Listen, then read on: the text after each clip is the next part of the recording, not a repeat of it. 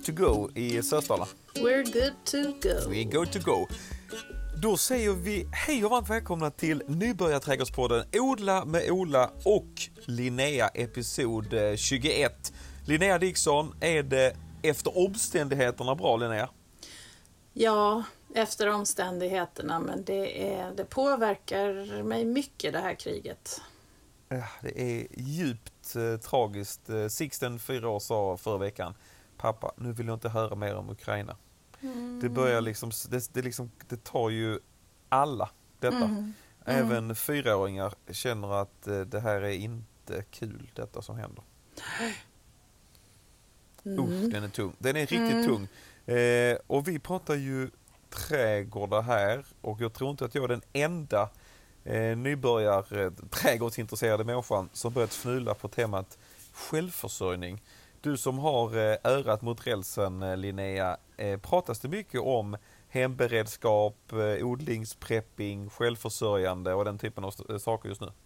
Alltså i mitt kök är det det enda det pratas om. Men rent generellt så hör jag också det, till och med mina vänner som bor i lägenhet och så har börjat fundera på vad skulle jag kunna göra.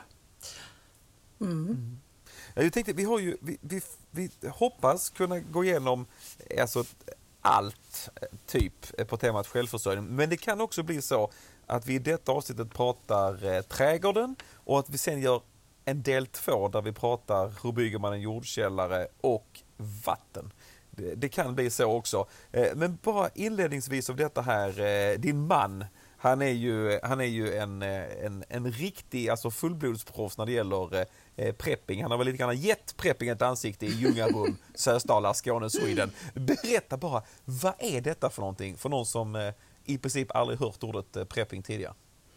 Alltså det, det har ju eh, börjat bli väldigt populärt nu men för eh, några år sedan så blev min man Kristoffer väldigt intresserad av det och det kommer ju från Eh, att preparera sig inför eh, ett stundande krig eller katastrof eller ja, det kan ju vara en naturkatastrof också men det, det är ju om man tänker sig eh, så som ekorrar gör, man samlar nötter inför vintern. Mm. Och det kan handla om allt från diesel till pasta till att kunna odla sin egna mat, att alltid ha vatten vatten ifall någonting skulle hända. Eh, sjukvårdsartiklar. Alltså, du måste tänka på alla plan helt enkelt så att du är förberedd om någonting skulle hända.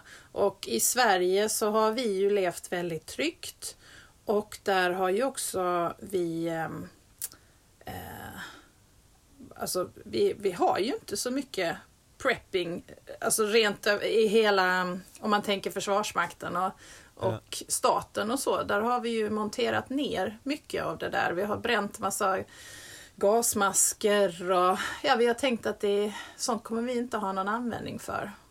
Uh, och det var ju något som upptäcktes uh, under coronakrisen. Ja. Så att det är ju framförallt nu under corona och nu Ukraina som folk har börjat få upp ögonen för att vi kanske måste börja fylla på våra förråd. För att vi är ju skyldiga, vi som är friska och mobila, vi är ju skyldiga att ta hand om oss själva och våra grannar. Alltså, det, staten kommer ju inte gå in och ge dig massa pasta och vatten. Nej. Utan det måste du ju ordna själv. För de kommer ju fokusera på de som är sjuka, skadade och av andra anledningar inte kan ta hand om sig själv. Mm, så är det. Eh, och vi har ju fått den här eh, broschyren utskickad eh, som hette MSB om krisen eller kriget kommer, tror jag den hette. Då pratar man ju om att man ska kunna vara självförsörjande i en vecka. Mellan tummen och pekfingret, hur självförsörjande, hur många veckor fixar du och Kristoffer tror du? Alltså vi fixar nog, jag skulle nog säga att vi fixar nog kanske en, en månad i alla fall. Mm. Ja, då har man ju, Kanske lite till. Lite, då har man ju lite, lite marginal så att säga. Och nu tänkte vi då eh, fokusera inledningsvis på sin egen trädgård. Om man är sugen på att kanske byta ut gräsmattan mot, eh, mot eh, odlingar för att bli lite mer självförsörjande. Ungefär hur stor trädgård behöver man då, Linnea? Ja, men jag skulle säga 500 kvadratmeter så kan en, eh, en familj med ett, ja, en, liksom, två barn och två vuxna eh, som kanske inte endast äter det de odlar klara sig på 500 kvadratmeter. Eh, så hur ska man då tänka när det gäller, eh, alltså tänka sig ha en gräsmatta idag och sen så känner man att nej jag vill bli lite mer självhushållande när det gäller grönsakerna.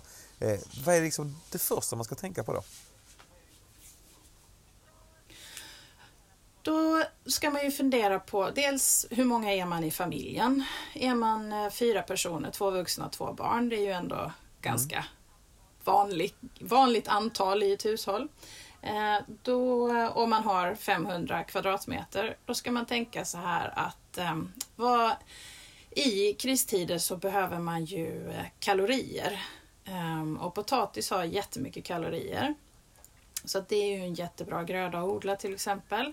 Och då behöver du kanske, ja men på ett år så skulle du behöva ungefär 300 kilo potatis för, till dina middagar.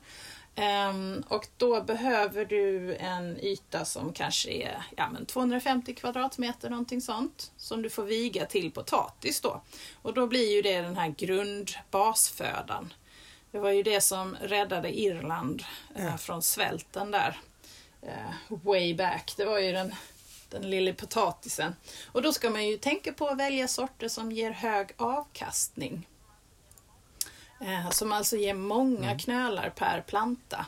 Så att när man letar sättpotatis nu, eh, det är ju nu på våren man ska köpa sättpotatis ehm, och börja förgro dem inomhus. Då ska man titta på de här olika hemsidorna. Då ska man kolla hur hög, alltså hur många knölar per planta.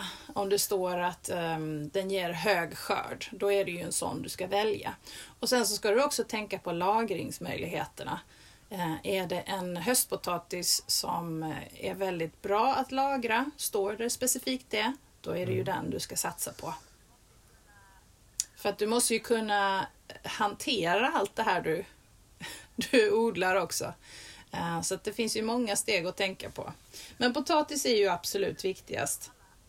Och sen så är liksom alla, alla grönsaker och så är ju, är ju nyttiga på så vis att de innehåller massa näring och mineraler och sånt som är jätteviktigt för dig och, och för att du ska må bra. Men det är inte mycket kalorier i dem så att du kan ju äta, det kan ju vara om du till exempel bara skulle odla squash. Då kanske du skulle behöva Ja, jag vet inte, men då skulle du kanske behöva äta 10, 15 squash för att mm. motsvara några potatisar. Ly att, ly ehm, lycka till och få i 15 potatis. squash i småbarn. det är, det är game, game over redan vid förrätten. Ja, precis. Men något som överraskade mig var att vitlök innehåller jättemycket kalorier. Är det sant? Ja. Så att det är alltså på 158 kalorier per 100 gram vitlök. Mm. Det är uh. inte fel alltså. Så, så, potatis och vitlök, där har vi det. Då har vi en mm. bra... Mm. Men sen tänker jag också så här, alltså med, med grönsaker. Ska man kanske tänka också att man ska ha grönsaker som man kan skörda länge? Precis. Eller? Uh, ja, du ska ju ha en... Um, du ska ju hela tiden ha någonting i jorden. Eh, och då på vintern så börjar du ju, eller vårvintern så kan du ju börja med dina eh, bladgrönsaker, alltså kinesisk sådana här små plock, småblad som mitsuna och tatsoi och, och pak choi och sådär. Och spenat är ju också jättebra och alla de här går ju att förvälla och frysa in också.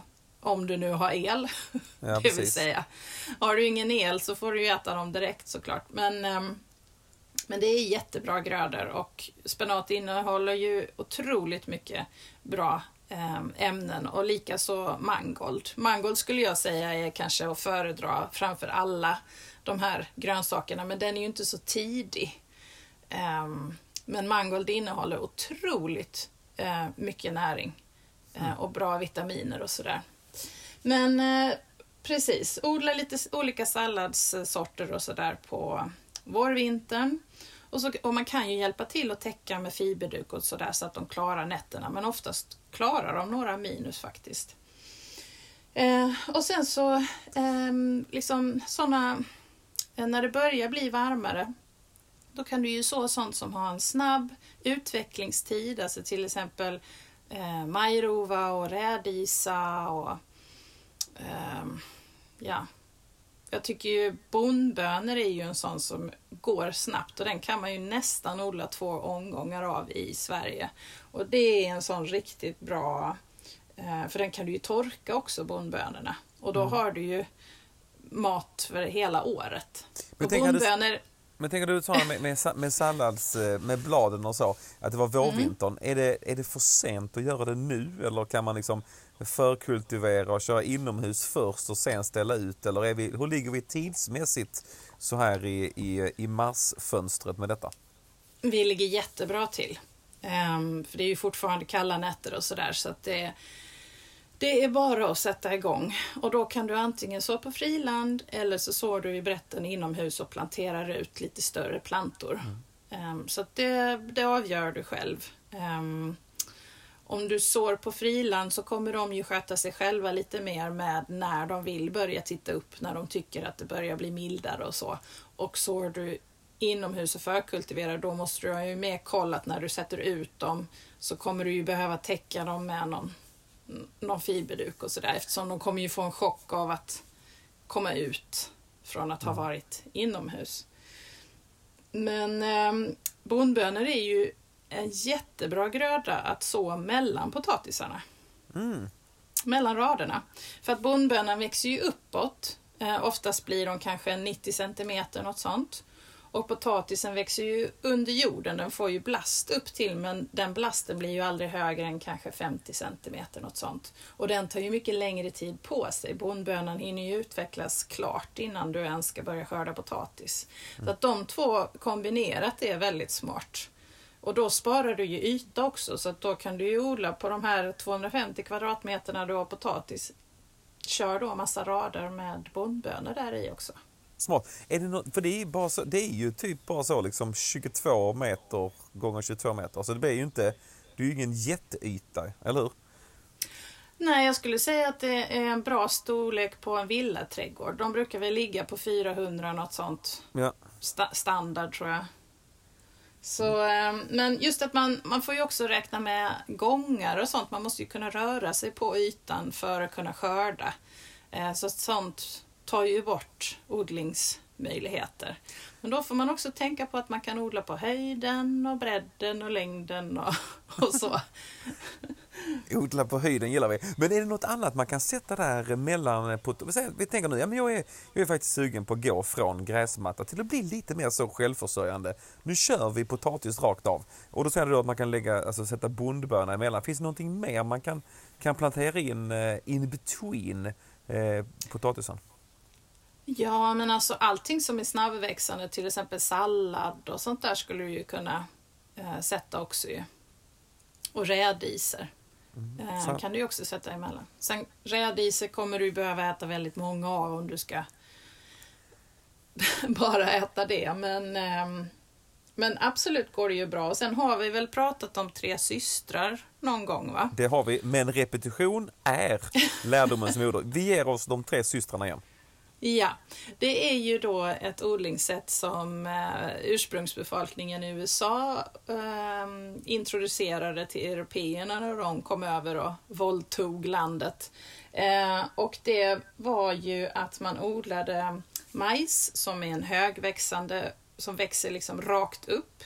Ehm, den planterar man ut och under den på marken så har man squash och pumpa för den slingrar ju sig längs marken. Så då blir det också en marktäckare som kväver undan massa ogräs. Och däremellan har du bönor, alltså klätterbönor, som klättrar på majsen. Så då behöver du inte massa ställningar till bönorna utan de tar hjälp av majsen istället. Och det är tre systrar. Ehm, och och det är ju perfekt att använda om du vill producera mycket mat men har liten plats. Mm. Alltså, är det, alltså har du fått så frågor eh, i ditt eh, alldeles egna yrkesliv där folk är liksom, hur ska man göra? Ska man gå från gräsmatta till lite mer eh, funktionella odlingar så? Alltså, märker man den här trenden, Linnea? Ja, men det tycker jag väl.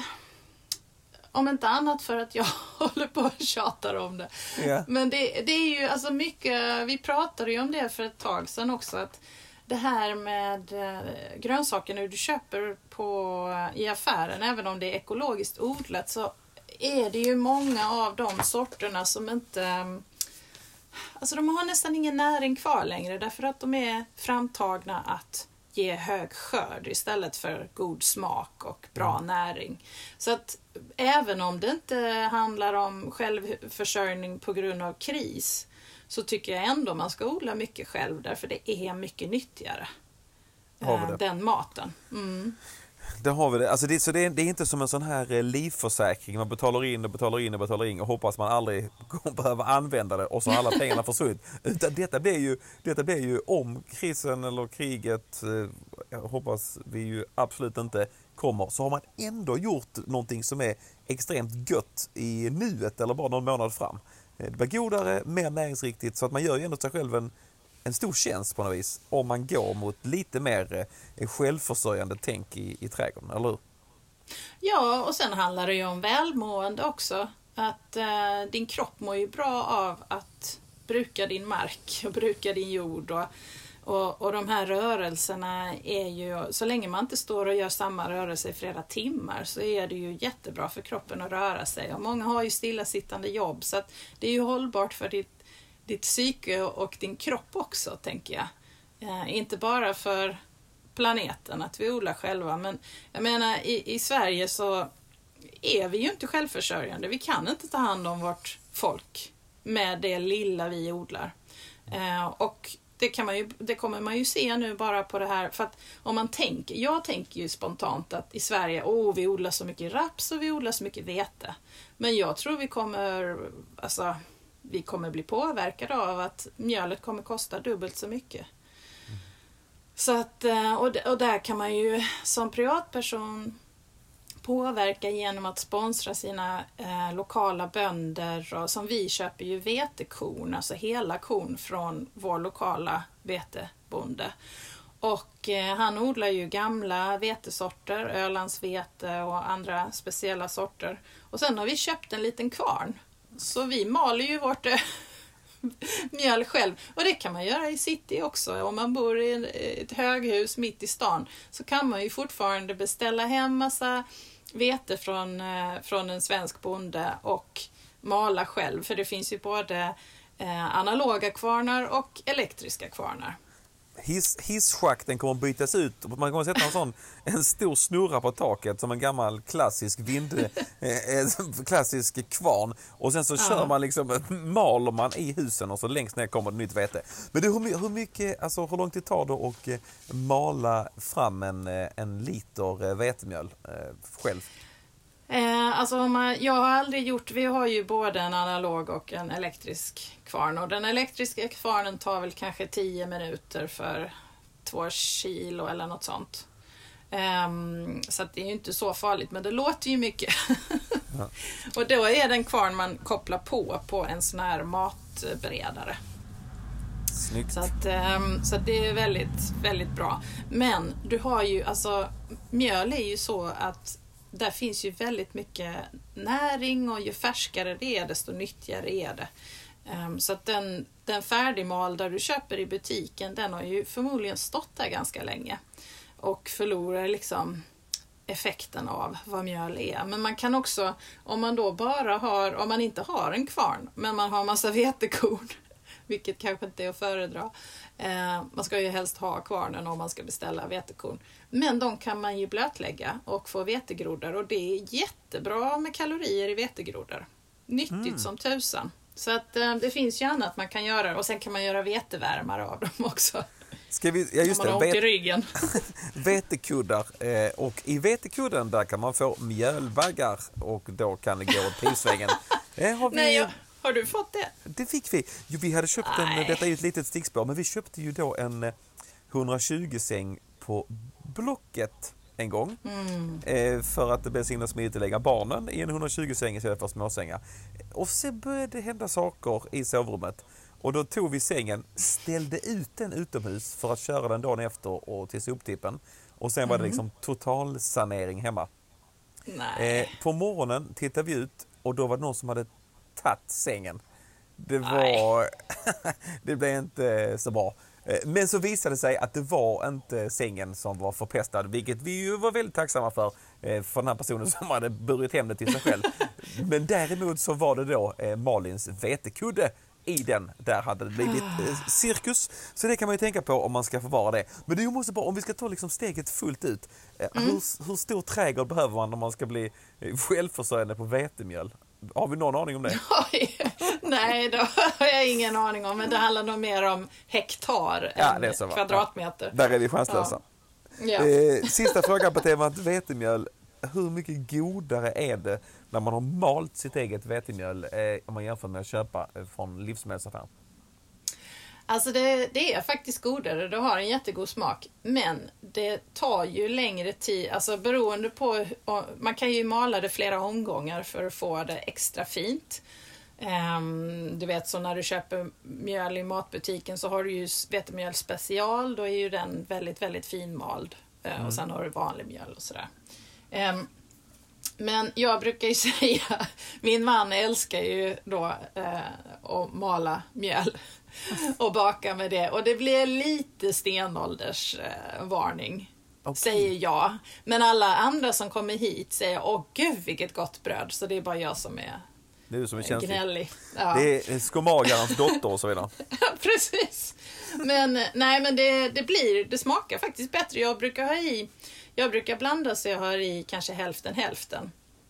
För Ja. att få lite mer, för oftast behöver man nämligen knåda degen längre för att glutenet ska liksom sätta igång. För många av mjölarna man köper i matbutiken, de har ju tillsatt extra gluten i, så att det ska gå snabbare att right. ehm, baka. Och det är ju också det som har gjort att förmodligen de tror att det kan vara det som har gjort att människor har blivit glutenintoleranta. Att det är så många som har blivit det därför att alla så här brödföretag tillför extra gluten för att det ska gå snabbare att producera bröd. Är det Att det sant? ska jäsa snabbare. Jag kan inte säga 100% men det är vad jag har hört i alla fall. Då vill vi passa på att introducera vår nya podd som heter eh, Bagarpodden med Ola. Nej men det är ju spännande alltså. Men om vi ska återgå Ja. lite grann till, eh, Ja. till eh, trädgården här. Ehm, är vi framme vid temat liksom, om man är total rookie här nu. Det är gräsmatta, Mm. det är en häck. Eh, man känner så här, nu kör vi, nu gör vi det Mm. här lite grann. Eh, Är det någonting mer man ska tänka på Linnea? Vilket är enklast att odla upp eller är det liksom, var ska man börja med detta? Ja, alltså då, då tycker jag också man kan köra lite perenna grönsaker. Och det kan ju då till exempel vara Alltså sparris känns som, ju, som en lyxgrej i förhållande till detta. Så det tänker jag att kanske inte är superviktigt att ha sparris eftersom det ger skörd så himla lite på året. Men jag tänker snarare på bärbuskar och fruktträd och så. För att det, det är ju ändå Eh, det är ju väldigt trevligt att ha och dryga ut sin, sina potatisar med. Eh, Att kunna ha bär och göra sylt och, och så. Eh, så det hade jag satsat på. Och sen så hade jag ju satsat på kryddor. Eftersom du vill krydda upp dina stekta potatisar. Ja. Eh, och sen så kål är ju, det är ju väldigt nyttigt med kål och du kan göra mycket med kål. Ehm, så när du har tröttnat på potatischips så kan du göra kålchips. Ah. Så att jag säger att, och sen så lök också för det är också väldigt nyttigt. Och sen tomat. Men tomat, tyvärr i Sverige är det ju så att tomaten är väldigt beroende av väder. Så att du kan ju bara odla det en kortare tid på året. Men du kan ju förädla tomat så att du kan ha det både genom att konservera men också genom att frysa in. Mm. Och torka och så. Ska vi bara också, med tanke på var eh, hen som lyssnar på oss är i sitt odlingskunskap, ska vi bara säga att perenna växter är alltså växter som kommer igen. Precis, ja. Bra att du förtydligar. Så är vi med Det- här, eh, hela ja. gänget. Och, och, det kan ju vara till exempel i Skåne så kan man ju odla perenn kronärtskocka. Så att du behöver inte så ny varje år utan du täcker den bara på vintern och så kommer den tillbaka. Eh, och vi har ju jordärtskocka är ju också en sån. Den är perenn och rabarber är perent. Så att det kommer, du behöver inte göra så mycket förutom att kanske gödsla lite och vattna. Mm. Det är snyggt. Är det någonting mer som man ska tänka på nu i mars? Ska man förkultivera, alltså odla inomhus eh, inför, inför sommaren eller är, vi, eh, är det någonting mer man ska fnula på här eh, framåt med det här temat? Eh, mm, ja, alltså förkultivera så mycket du kan och, och kör vintersådd och alltså att du sår utomhus eh, i backar som du ställer lite vid sidan av eh, och så får de komma igång um, på egen hand. Men um, kan, det finns ju också ätbara blommor och så som du kan mell, uh, eh, odla mellan alla dina um, grönsaker. För att det är ju trots allt viktigt att tänka på den biologiska mångfalden så att alla får det bättre. Och eh, att du odlar blommor mellan dina grönsaker gör ju att du drar till dig nyttiga insekter och då drar du till dig fåglar och så får du liksom ett biologiskt, eh, en biologisk mångfald i trädgården som gör att, du, att dina grönsaker kommer kunna stå emot sjukdomar mycket bättre också. Ja, snyggt. Kan vi dra några exempel på ätbara blommor? Om man nu ska slå eh, två ja. flugor i en smäll. Ringblommor och... Ähm, oh, gud, nu står det helt stilla. ja men solrosor, du äter ju inte solrosen men du äter ju solrosfröna kan du ja. ju göra. Och krasse, blomsterkrasse är jättebra. Där kan man ju göra Dels kan man ju äta blommorna och bladen, ha i sallad, det är lite pepprigt och väldigt snyggt. Men sen så av de små frökapslarna på, på blomsterkrasse kan du göra kapris. Mm. Och det vet jag att du gillar. Det gillar vi så himla mycket. Kapris är ju en eh, superfavorit. Ja, Um, så att uh, där är ju några. Och eh, panser kan du ju äta också till exempel.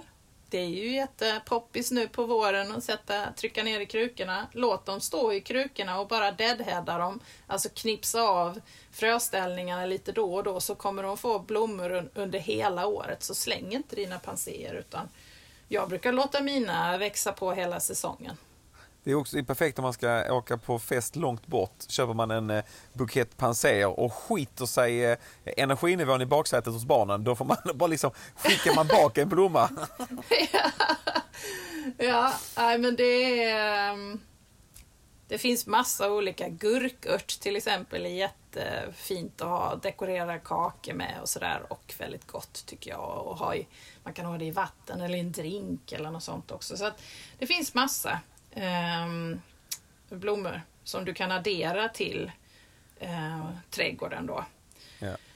ja men eh, alltså, ja, om jag ska summera det så är mm. det väl potatis, kål, lök, kryddor, någon form av bärbuskar. Och under de bärbuskarna kan du ju odla krasse då till exempel, blomsterkrasse. Mm. Så att du utnyttjar alla ytorna. Majs är ju också trevligt i och med att den är så uppre, alltså växer på höjden så tar den ju ingen plats. Så tänk hela tiden att du vill ha något på höjden och något längs marken. Mm. Eh, så att du optimerar din odlingsyta. Och sen måste du komma ihåg växtföljd. Så att du inte odlar samma sak på samma plats flera år i rad. För ja, då lite... kommer du få sjukdomar. Ja, och det, har, och det har liksom ingenting med de perenna växterna att göra utan de kan stå kvar hela tiden yeah. och bara mata utan det är andra typer av växter som man ska tänka och flytta yeah. på. Så att om du skulle till exempel dela upp din trädgård så hade jag sagt att dela upp den i fem kvarter och så har du ett perent kvarter där allting står kvar alltid, där du bara tillför eh, gödsel och, och ogräsrensar lite grann. Och sen så har du fyra andra kvarter som du växlar mellan grödorna. Um, och det har vi ju på Instagram har vi ju lagt upp en växtföljds um, ett växtföljdsschema. Så att där kan man scrolla tillbaka och titta. Jag kan lägga upp den en gång till faktiskt så man slipper mm. scrolla tillbaka. Grymt.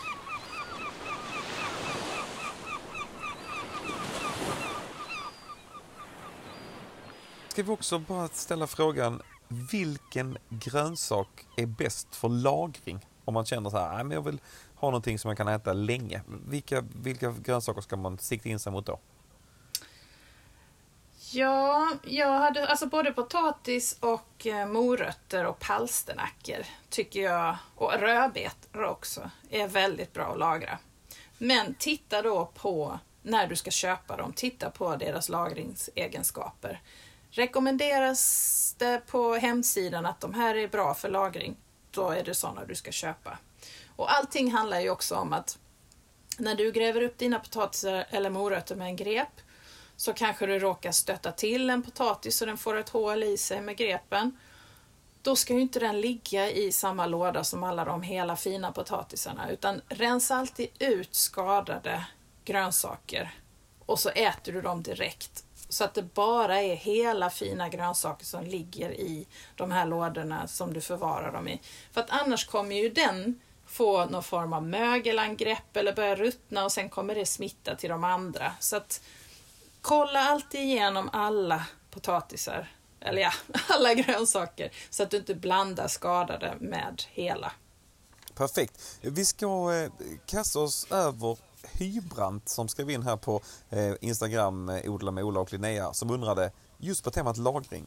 Hur lagrar man det man odlar om man inte har en jordkällare eller annat kallt förråd?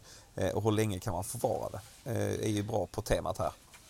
Ja, verkligen bra.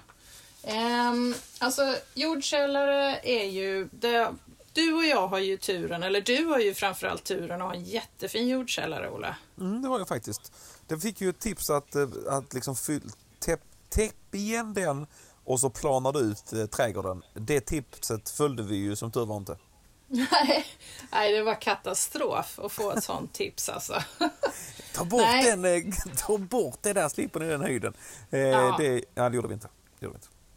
Ja, nej, eh, vi hade ju ingen jordkällare, men vi hade en smörjgrop eh, under, vårat, eh, under vår lada. Ladan är i suterräng, så att halva delen är under jord, kan man säga, i backen.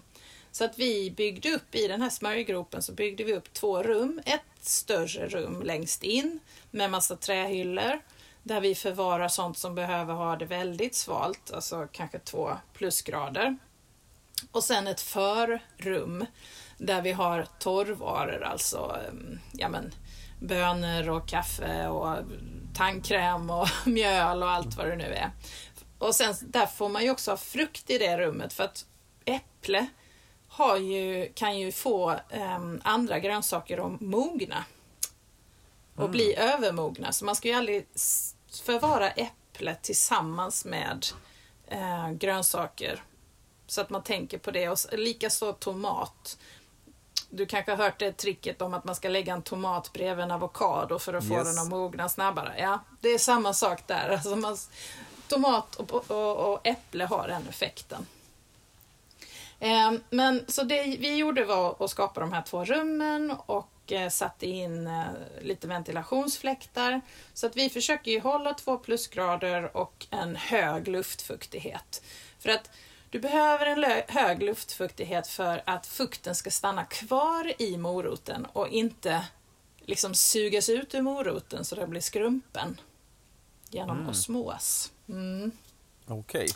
Men har man inte en jordkällare, vilket väldigt många inte har, och man kanske inte har en källare i suterräng, så kan man ju faktiskt göra en stuka. Och det, okay. är att gräva, ja, det är att gräva ett hål i eh, marken.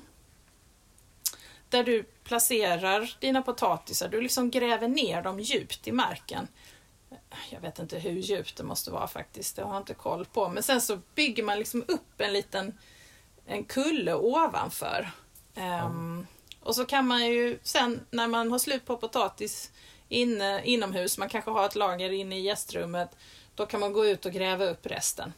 Uh, men du kan ju också gräva ner en tunna om du har till exempel en större vattentunna eller någonting sånt i plast. Så kan du ju gräva ner den i marken. För det viktiga är ju att du kommer under um, uh, frost... Vad heter det? Kärl... Mm. Ja. Gränsen där, ja precis. Gränsen där. Um, gräver du ner den i marken och då kan du ju förvara, du kan ju förvara till och med squash och sånt i, längst ner i den tunnan. Och så sätter du ett lock på kanske med frigolit och, um, och då blir det som en kil där nere i jorden. Så att hade du bara haft en tunna ovan mark så hade den ju börjat frysa. Mm. Um, och bor man, på en, har, bor man i en lägenhet och har balkong då kan du ju ha en frigolitlåda. Som är helt i frigolit, där locket också är i frigolit. Och då ställer du in den längst in på balkongen närmast husväggen, för husväggen ger ju värme också. Um, och så kan du förvara dina grönsaker där och plocka upp uh, allt eftersom du behöver dem. Snyggt. Om man, när du sa man gräver ner potatisen, eh, vad ska det vara gjort av själva materialet som man fäller ner i hålet i eh, trädgården? Eh, den här tunnan eller? Ja, precis. Jag, jag tänkte ja. du sa med potatis, om man skulle gräva ner potatis och så gör man en liten kull uppe på. Ja, alltså det, jag har ju aldrig gjort en stuka själv så jag blir lite osäker på om man ens behöver sätta någonting. Nej, okay. Alltså sätta dem. Men jag tänker att det är ju det är ju risk för att en sork kommer och käkar upp allt. så, att, så att jag tänker att då kanske man också bara gräv ner en tunna. Mm. Så som jag, det är ju egentligen det bästa för att där, där håller du ju borta massa kryp och odjur och sånt där. Um, för att du kan sluta tunnan tätt och då, du kommer ju åt det mycket enklare också för att du kan lyfta upp locket ovanifrån och sträcka dig ner efter. Um, jag vet vissa som har gjort när de ska dränera huset, uh, som väldigt många gör, då har man, eh, medans man dränerar, så ber man också företaget som gör det att eh, gräva ner en, en större tunna i dräneringen där, för då har du ju eh, ett jättebra ställe att ha en tunna på eftersom det inte är massa Vattnet rinner ju undan där också så det är inget vatten som står och fryser den här tunnan. Ja, det är grymt. Så det kan man tänka på. Det är helt perfekt. Jag, jag, nu tänker jag att jag skulle lägga till en fråga på temat jordkällare eh, som är så här. Det blir rätt äckligt i jordkällaren Linnea. Hur fixar man till det? eh, jag hade sagt, det beror ju lite på vad, vad den är gjord av. Men vi brukar ju kalka våra jordkällare. Och det är ju stenväggar och lekablock som vi har i, i jordkällaren. Och då kalkar vi. Och oftast ska man kalka sju lager, alltså man målar sju gånger. Det går ganska snabbt, det låter skitjobbigt mm. men det går ganska snabbt. Och sen kan man ju bara bättra på den kalken lite då och då när man tycker att det börjar bli sunkigt. Kalk är ju eh, bakteriedödande också så det är oftast därför man ska ha det i hönshuset och sådär. Um, så jag hade sagt, har ni stenväggar av något slag eller betong eller mm. någonting sånt Släng på kalk och sen så bygg nya hyllor som känns fräscha eller ställ in metallhyllor. Eller klä hyllorna med eh, vaxduk så att det är lätt att torka av. Mm. Men gör det, liksom stä, ta på dig någon sån skydds... Uh, ut, liksom, du vet, en sån målardräkt. Mm. Och sen så går du in och gör det en gång och sen behöver det inte vara äckligt längre. Nej, det är bra. Jag, jag, ihåg, jag sa ju till Petronella här, eh, vi ska måla den rosa i sommar. Bara, yeah! Det var helt tvärtom. Eh, men, men om man har liksom målat redan, måste man skrapa bort då först och sen på med kalk? Ja, alltså kalk fäster ju inte på till exempel plastfärg eller någonting Nej, sånt. Och, och, man måste ju måla med en färg som funkar på det materialet som är i väggarna. Ja, då har vi det. Eh, viktiga saker att kunna kring självhushållning, det är mm. ju att ta vara på sina grönsaker och sina grödor.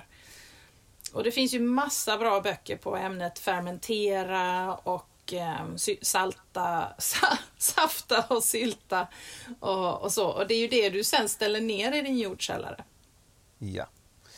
För det, ja exakt, för det är det, det, är det man inte har man helt plötsligt hur mycket som helst och sen så kan man inte äta upp allting nu direkt och så blir det ändå haveri mot slutet. Eh, mm. Hur mycket tid lägger du på att salta, lägga in, sylta, de bitarna? Eh, alltså vi har ju blivit bättre på det för att vi gör det lite mer löpande nu. Förr så sparade vi allting till hösten. Eh, och dels blir ju många av grönsakerna kanske lite träiga och tråkiga. Men sen blir det ju också otroligt mycket jobb då. Så att det vi gör nu är att så fort tomaterna börjar mogna så direkt när vi märker att okej, okay, nu blir det lite för mycket för oss att um, bara käka till middag. Bara ta in dem för väl, av med skalet, in i frysen. Mm. Så att vi gör sånt hela tiden och vi gör marmelader hela tiden. Och, um, för att ju mer, um, ju oftare du gör det under hela säsongen, desto enklare kommer det bli. Då blir det inte det här tunga med att med att göra allt i september, oktober. Och sen så får man ju, vi, vi sitter ju på kvällarna framför TVn och kollar på något tv-program på hösten och, och spritar ärtor. Alltså, och liksom, vi låter ju alla bönorna torka och sen så tar vi ut dem ur deras bönskidor och, och det är jättemysigt att sitta och göra det framför TVn. Så att eh, det tar, det tar mycket tid men du känner ju dig rik som ett troll efteråt. Alltså. Alltså det, det är, alltså apropå rik som ett troll, om man bara ska dra alltså hela det här liksom tänket, tänket med, att, eh, med självhushållning och så i trädgården. Alltså hur mycket, hur mycket cash money, hur mycket stålar tjänar man på detta? Förutom då att det är godare mat, mer energi, man får gratis motion, man, hela det. Men alltså just alltså pengamässigt, har du, har du räknat på det någon gång, ni som jobbar mycket med detta? Nej, det har jag inte, men om man tänker, alltså potatis, svenskodlad potatis är ju superbesprutad. Eh, så då ska du ju helst köpa ekologisk potatis. Och den kostar 25 kronor kilot. Och en familj kanske äter potatis tre gånger i veckan eller något sånt. Mm. Så det får man ju slå ihop där. Ja, det kostar eh, någon hundralapp att köpa tre kilo potatis men du får ju väldigt mycket ut från tre, till och med bara ett kilo potatis får du ju väldigt mycket potatis eh, från. Um, så att jag tänker, alltså vi lägger ju nästan inga pengar på grönsaker överhuvudtaget året runt. Eftersom vi äter i säsong och vi är bra på att eh, förädla. Så vi köper ju egentligen bara lite halloumi, lite getost, kanske en och annan sojakorv och eh, ris och, och spaghetti. Men eh, det är ju det vi lägger. Vi lägger ju pengarna på ost kan jag säga. inte, inte på grönsaker. Och, eh, och så får man kanske göra tacos med kål och morötter. Men så länge man har barbecue-sås så funkar ju det jättebra. så länge man har barbecue-sås och tequila så är allting lugnt. Ja. Det var helt eh, home. Du, jag ser här med mitt eh, högra öga att vi har snickersnackat ganska länge. Jag tänker att vi mm. kanske rundar av denna veckas samtal här och nu och sen mm. så kastar vi oss över någon slags del två där vi kanske då pratar om bygg din egen jordkällare. Vi kanske pratar mm. vatten. Det är också en hyfsat central spelare i detta. Eh, och sen så tar vi också lite härliga frågor som har rullat in via vårt eh, Instagramkonto som heter Odla Mola och Linnea. Eh, känns det bra i din skånska mage, Linnea Dixon, att vi gör så? Ja, det känns jättebra i min skånska mage. Ja, men då gör vi väl så då. Och så säger vi tack så mycket för att du lyssnat på det här avsnittet. Hoppas att du blev lite klokare i alla fall, eller hur? Ja, och ta hand om er och eh, vi håller alla tummar och tår att det här kriget snart är över. Verkligen, det är ett, eh, så är det. Det är en mm. sjuk tid vi lever i. Eh, ja. Vi hörs nästa vecka i avsnitt 22. Ha det fint så länge. Hej! Hej!